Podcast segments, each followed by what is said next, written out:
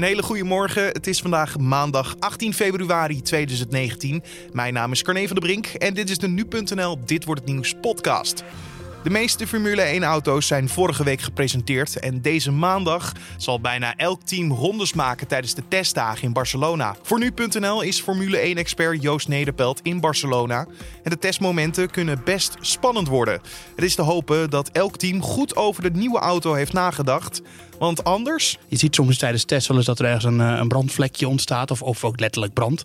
Um, er zit ook interne brandblusser achter in het motorcompartiment, dus het is niet zo dat het, uh, de, het risico heel groot is dat de auto helemaal afbrandt. Dat zou echt een ramp zijn trouwens voor het team. Laten we hopen dat het inderdaad niet gebeurt. Straks meer hierover, maar eerst gaan we kijken naar het belangrijkste nieuws van nu.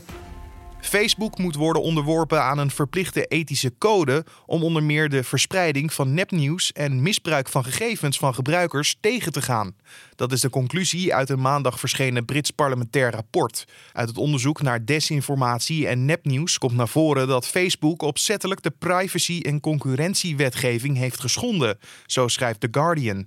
Schiphol zal na 2020 doorgroeien, ondanks protest van omwonenden en milieuorganisaties. Dat zegt minister van Nieuwhuizen maandag in een interview met de Volkskrant. Volgens de minister van Infrastructuur en Waterstaat is dat nodig, omdat de luchthavens anders de concurrentiestrijd met andere luchtvaartknooppunten in Europa verliest. Het plafond dat tot en met 2020 geldt van 500.000 vluchten per jaar is nu al bereikt. Volgens Van Nieuwenhuizen is een groei van Schiphol daarom onafwendbaar. Duitsland zal stoppen met het uitleveren van Duitsers aan Groot-Brittannië als de Brexit doorgaat.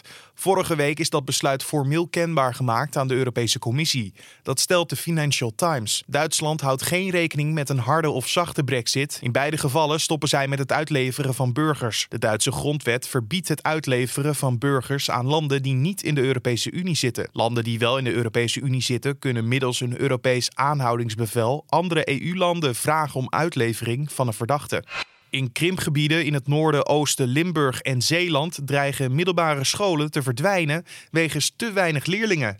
De middelbare scholen in kwestie zijn de enige scholen in hun regio. Koepelorganisatie VO Raad stelt maandag in het AD dat als er niets gebeurt, leerlingen straks meer dan 20 kilometer moeten reizen. Voorzitter van de VO-raad, Paul Rozenmuller, zegt in de krant dat er te weinig gebeurt om een antwoord te geven op de krimp van het aantal leerlingen. En dan kijken we naar de dag van vandaag, oftewel dit wordt het nieuws.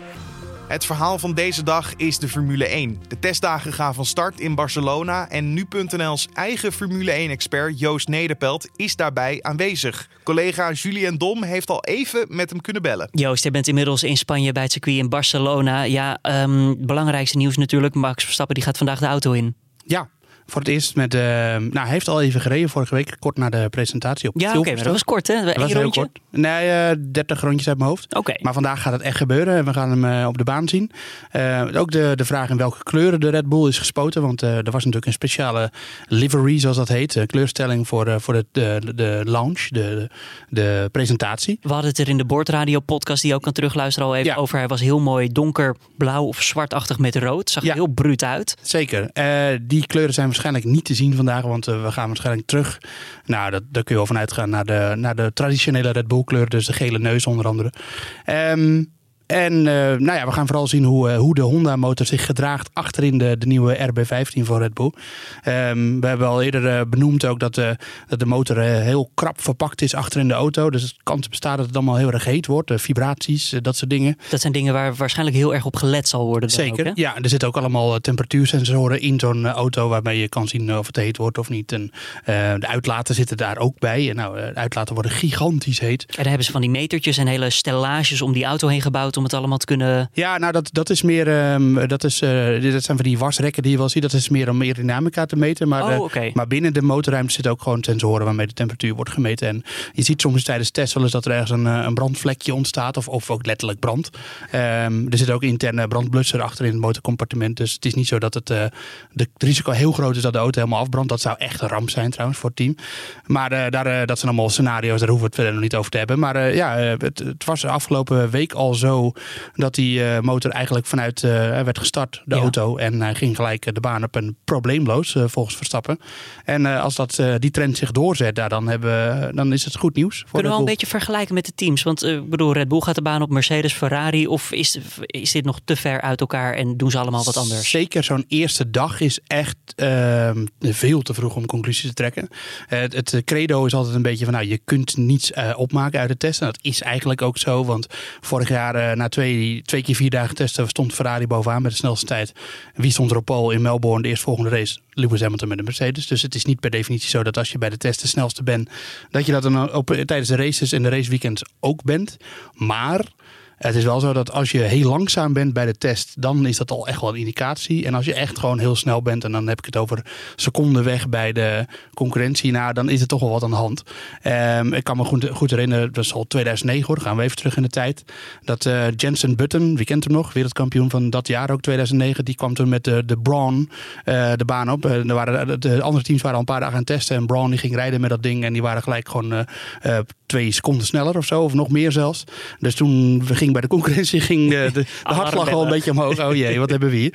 Um, en als je dat gaat zien, dat echt één team er heel erg bovenuit steekt, dan... Uh, dan is dat wel een indicatie. Maar het is een indicatie. Want je kunt niet zien op welke banden ze rijden tijdens de test. Oh, dit is allemaal gewoon van buitenaf hetzelfde. Ja, en je kunt niet zien met hoeveel brandstof ze rijden. En dat gaat echt om eh, tientallen kilo's verschil. Dat weten de teams ook niet van elkaar? Nee, nee. Dat is, uh, dat is het pokerspelletje waar ze met z'n allen mee bezig zijn. En dat maakt het ook interessant. Uh, en uh, wat maakt het nou uit hoeveel brandstof er in een auto zit? Nou, kijk, stel er zit uh, eh, 70 kilo brandstof in een auto of 80, of er kan nu dit seizoen 110 kilo mee. als de tank helemaal vol zit, of hij is, is bijna leeg, dat scheelt gewoon bijna een seconde per ronde. Um, het is geloof ik 5 kilo, kan 2 kilo, twee tienden schelen per ronde. Twee tienden van een seconde. Ja. Kortom, dat maakt gigantisch veel uit. Dus als een team de hele tijd met een volle tank rondrijdt, en dan denken wij met z'n allen zo, die zijn langzaam. Maar dan kan het zo zijn dat ze eigenlijk heel snel zijn, maar dat ze daar niet op volgaan. Ze gaan gewoon voor een afstelling met een volle tank. Want ja, als je de race begint, dan rij je ook met een volle tank. En het is misschien ook een beetje uh, laat zien aan de anderen van, nou weet je, misschien uh, we zitten wat langzaam, we zitten wat langzaam. Nee, we zitten helemaal niet langzaam, jongens. Ja. Uh, Onderschatting, ja. dat probeer je toch te creëren bij de. Ja, dat is gewoon een leuk pokerspelletje en dat, dat is het, ontzettend leuk om te volgen. Heel kort Ferrari en Mercedes. Wat zullen zij laten zien vandaag? Ja, Vettel zit de eerste dag al in de auto ook. Um, uh, Ferrari heeft vooral een auto die best wel op van vorig jaar lijkt, maar toch heel veel verfijning. En dat geldt eigenlijk ook een beetje voor Mercedes.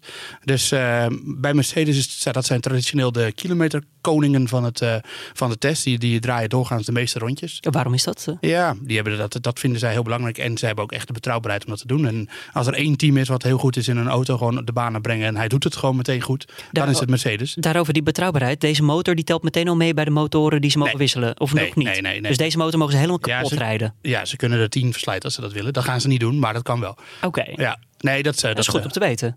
Nou ja, dat, dat, ja, dat is eigenlijk altijd zo. Dus dat is, uh, ik, ik hield er geen rekening mee, maar het goed dat je dat vraagt. Dus, ja, ja, ik denk ik, uh, als ze heel veel rijden, ja, dan. Ja, nee, dat maakt, dat maakt niet uit. Oké. Okay. Um, nieuwe regels dan nog eventjes. De neus, daar gaat vooral wat veranderen. Ja, de voorvleugel en de achtervleugel die zijn, en vooral de voorvleugel is simpeler. Dus er zitten minder van al die flapjes en dingetjes die er ook wel eens afwaaien, zitten erop. Um, en hij is ook een stukje hoger en dat geldt ook voor de achtervleugel. Waarom is dat? Uh, dat is een soort aerodynamische aanpassing, uh, waardoor het idee is dat auto's dichter achter elkaar kunnen rijden. want al die vleugels en dingen en luchtgeleiders die allemaal op die Formule 1 auto's zitten, die, die zorgen voor ontzettend veel luchtwervelingen in vaktermen heet dat vuile lucht. Dus lucht die niet stil is, zeg maar. En een, een auto werkt volledig met, uh, tenminste het aerodynamisch onderdeel, de, de neerwaartse kracht, waardoor die hard door de bochten kan. Dat werkt volledig op basis van de lucht die de auto tegenkomt. De rijwind heet dat dan. En als die dan verstoord is door degene die ervoor rijdt, ja, dan kun je dus minder dicht achter diegene die voor je rijdt. Want dat, dan is die auto minder effectief. Nou, daar hebben ze dus wat aan geprobeerd uh, te doen. Uh, of dat gaat werken, dat is vraag 2. Maar ze proberen in ieder geval. Okay. En daarom zijn die vleugels vooral simpeler, zodat er minder werveling ontstaan. Dit moet meer spanning dus opleveren voor eh, de kijkers eh, op het circuit en oh, uiteindelijk thuis. Ja, je moet eh, vooral hopen, en dat is dus wat ze denken bij de Formule 1, degene die die regels bedacht hebben, dat, dat auto's makkelijker elkaar kunnen volgen en daardoor ook elkaar makkelijker kunnen inhalen. Ehm, en dan is er nog het volgende, dat is het gewicht van de coureur. Dat is ook het volgende significante. Belangrijk voor Max Verstappen. Ja, dus dat zien wij niet uh, natuurlijk als we de auto's zien rijden. Maar de ene coureur is zwaarder dan de andere. Nou, we hadden het net al even over de brandstof. In hoeveel dat invloed is, van invloed is op de prestaties. Door het gewicht. En dat geldt natuurlijk ook voor een coureur. En als een coureur, de ene coureur 10 kilo zwaarder is dan de andere, omdat die veel langer is. Kijk, die jongens die zijn allemaal, uh, nou net niet graadmager, maar ze wegen niet veel. Um, dan, dan is dat een nadeel in rondetijd. Want je moet dat gewicht kun je gewoon uh, niet. Uh, niet uh, ja, dat kun je niet. Nou ja, het, het zit eigenlijk nog veel complexer dan dat. Maar dat is. dat je is, kan niet zomaar 10 kilo afvallen. Of... Nee, je kunt niet. Je jongens die kunnen niet lichter dan licht worden. En eigenlijk is het zo dat, je, dat de coureurs. Als we het toch heel even een klein beetje uitleggen. De coureurs die lichter zijn, die zijn in voordeel. Omdat het gewicht van wat zij dan niet in de schaal leggen. op het totaalgewicht van de auto. dat kunnen de teams dan in andere delen stoppen. Ja. En dat is bij een zwaardere coureur niet zo. Uh, maar dat is dus nu opgelost, want elke coureur weegt inclusief stoel. Alle coureurs zijn, wegen minder dan 80 kilo van zichzelf, maar inclusief stoel wegen ze nu allemaal 80 kilo. Dus de uh, lichte coureurs die krijgen gewoon een gewichtje aan ja. de stoel vast. Dus stel um, uh, Perez, Sergio Perez, is een heel klein Mexicaans mannetje en die weegt niet heel veel. En die zit dus dan in stoel en dan zitten er gewoon een paar plakken, nou het zal wel lood zijn denk ik, in Ja. zijn stoel. Die dan zorgen dat hij inclusief zijn stoel 80 kilo weegt. Max Verstappen is een wat langere coureur. Die, daar zit er minder gewicht in zijn stoel. Maar hij weegt met stoel en al net zoveel als Perez. Dus uiteindelijk is het eerlijker dan voor alle coureurs. En dat zorgt er vooral voor dat jongens zoals Verstappen niet het hele seizoen lang uh, zich gigantisch moeten, uh, moeten inhouden met alles wat ze eten. Omdat ze maar niet een grammetje of wat aan kunnen komen. Dat, het, dat begon een beetje ongezond te worden. Dus, ja. uh, Lewis ja. Hamilton zei het al, chicken legs, finally no more. ja, nee, Hamilton, 2019. Hamilton is geen lange coureur, maar ook geen kleine coureur. Uh, die, die had ook gewoon echt ja, best wel magere beentjes. Ze kunnen nu weer wat spierkracht gaan trainen. Een andere nieuwe regeling die nog ja, door Team Haas werd geopperd, airbags, speciaal voor Grosjean. ja, Grosjean is een... Uh... Houden, houden we die grappen erin dit, uh, dit seizoen? Hij jaste hem heel veel in de muren. Romain Grosjean, ja, de, onze Franse vriend. Um, ja, dat weten we niet. Ik bedoel, ik moet zeggen... De is hij gegroeid vorig jaar? tweede seizoen zelf werd hij, uh, is hij zorgvuldiger gaan rijden, laat ik het zo zeggen. Oké. Okay. Moeten ja. we nog naar een bepaalde coureur uitkijken ook? Um, dat is een goede vraag. Uh, ik ben heel benieuwd hoe Daniel Ricciardo, de oude teamgenoot van Max Verstappen, het gaat doen bij het team van Renault. Dat is een belangrijke. Charles Leclerc, de Monegask. De uh, nieuwe teamgenoot van, van Vettel bij Ferrari. Ja, dat is ook een groot talent. Vorig jaar uh, bij Sauber Alfa Romeo uh, natuurlijk te zien. En dat, daar, wordt, daar zijn de verwachtingen best hoog van. En we hebben Pierre Gasly natuurlijk. De Franse, ehm, Franse talent. vorig jaar bij Toro Rosso, het B-team van Red Bull. En nu naast Max Verstappen als vervanger van Daniel Ricciardo. Dat zijn wel een beetje de grote namen waar we op moeten gaan letten. Eh, verder wil ik nog wel even de aandacht vestigen op... eh, ik denk de coureur met de mooiste naam van de grid. Die gaat bij Alfa Romeo Racing het voormalige Sauber rijden. Antonio Giovinazzi. Ik probeer het zo goed mogelijk uit te spreken. Ja, precies. Een accentje er ook bij. Ja, onze Italiaan, uh, ja, groot Italiaans talent. En die krijgt nu de kans van Ferrari bij Alfa Romeo. Wat eigenlijk stiekem een B-team van Ferrari is. Uh, dus ja, dat is ook wel leuk om in de gaten. Die rijdt daarnaast Kimi Räikkönen trouwens. Die plaats heeft moeten maken bij Ferrari. Dus er zijn allerlei... Er is um, volgens mij alleen William... Nee, sorry, ik zeg het verkeerd. Alleen Mercedes en Haas hebben hetzelfde coureursduo als vorig jaar. Voor de rest zijn ze allemaal met één of met twee coureurs gewijzigd. Dus uh, ja, interessant. Joost Nederpelt was dat vanuit Barcelona. Als je nou meer wil weten over de Formule 1, dan kan je ook terecht bij onze speciale podcast, De Boordradio. Wij zijn net begonnen aan het tweede seizoen en de aflevering is terug te vinden in je eigen podcast-app. Maar voor de zekerheid staat er ook een linkje in de beschrijving van deze podcast. En verder kan je ook op nu.nl een eigen Formule 1 spel spelen. Daarbij kan je je eigen team samenstellen en punten verdienen per race. Neem het op tegen je vrienden en maak uiteindelijk kans op een trip naar de Grand Prix van Abu Dhabi in 2020. Meer info en meedoen kan via nu.nl slash Formule 1 spel. Dat is dan F1-spel. Het internationaal gerechtshof in Den Haag buigt zich vandaag over een zeer gevoelige zaak tussen India en Pakistan. De kwestie draait om de Indiër Kuboshan Jadhav, die in april in Pakistan ter dood werd veroordeeld wegens spionage. Dat leidde tot een woedende reactie van India, dat vindt dat er geen geloofwaardig bewijs is tegen de marineofficier. India stapte direct naar het hof. In afwachting van een uitspraak is de uitvoering van de doodstraf uitgesteld. En vandaag ook in het gerechtshof in Den Haag gaat de juridische strijd om schone lucht verder. Daar dient het hoge beroep dat Milieudefensie heeft ingesteld tegen de staat. De Milieuclub wil dat Nederland zich houdt aan de Europese wet, het mensenrecht op gezondheid respecteert en geen nieuwe maatregelen nemen die schadelijk zijn voor mensen en milieu. In december 2017 verloor de milieubeweging de bodemprocedure die in mei 2016 in gang was gezet. En tot slot voert Rijkswaterstaat in de avonden en nachten van 18 tot en met 20 februari en op 25 en 26 februari testen uit aan de bruggen in de afsluitdijk.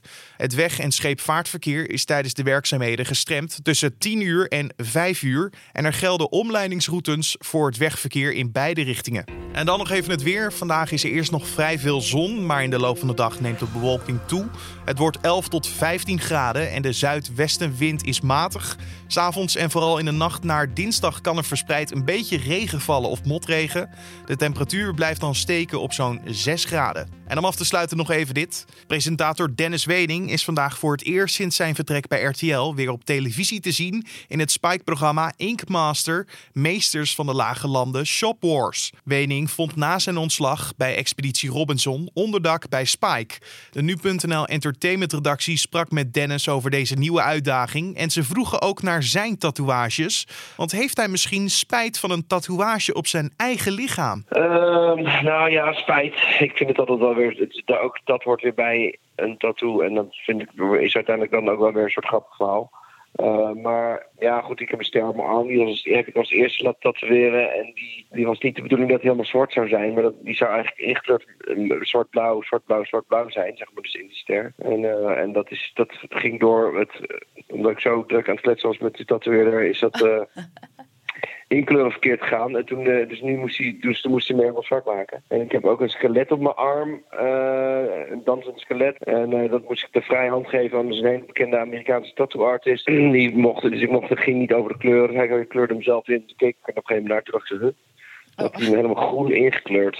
Mm. Toen dacht ik zo, wat? Toen zei ik, waarom, waarom, why did you make it green? Hij zei, ja, yeah, because it's a big misunderstanding that skeletons are white. Ik zou wel, they're not green either. Je hoort het al, één grote tattoo-stand dus. Het programma Inkmaster Meesters van de Lage Landen Shop Wars begint vanavond om half tien op Spike. Bij KPN is Spike te vinden op 13 en bij Ziggo op 16. En dit was dan de Dit Wordt Het Nieuws podcast voor deze maandag 18 februari. Je vindt de podcast natuurlijk elke maandag tot en met vrijdag om 6 uur ochtends op de voorpagina van nu.nl en in je favoriete podcast app. Laat ons weten wat je van deze podcast vindt. Dat kan via een mailtje naar podcast.nu.nl of een recensie in iTunes. Mijn naam is Corné van der Brink. Voor nu een hele fijne maandag en tot morgen.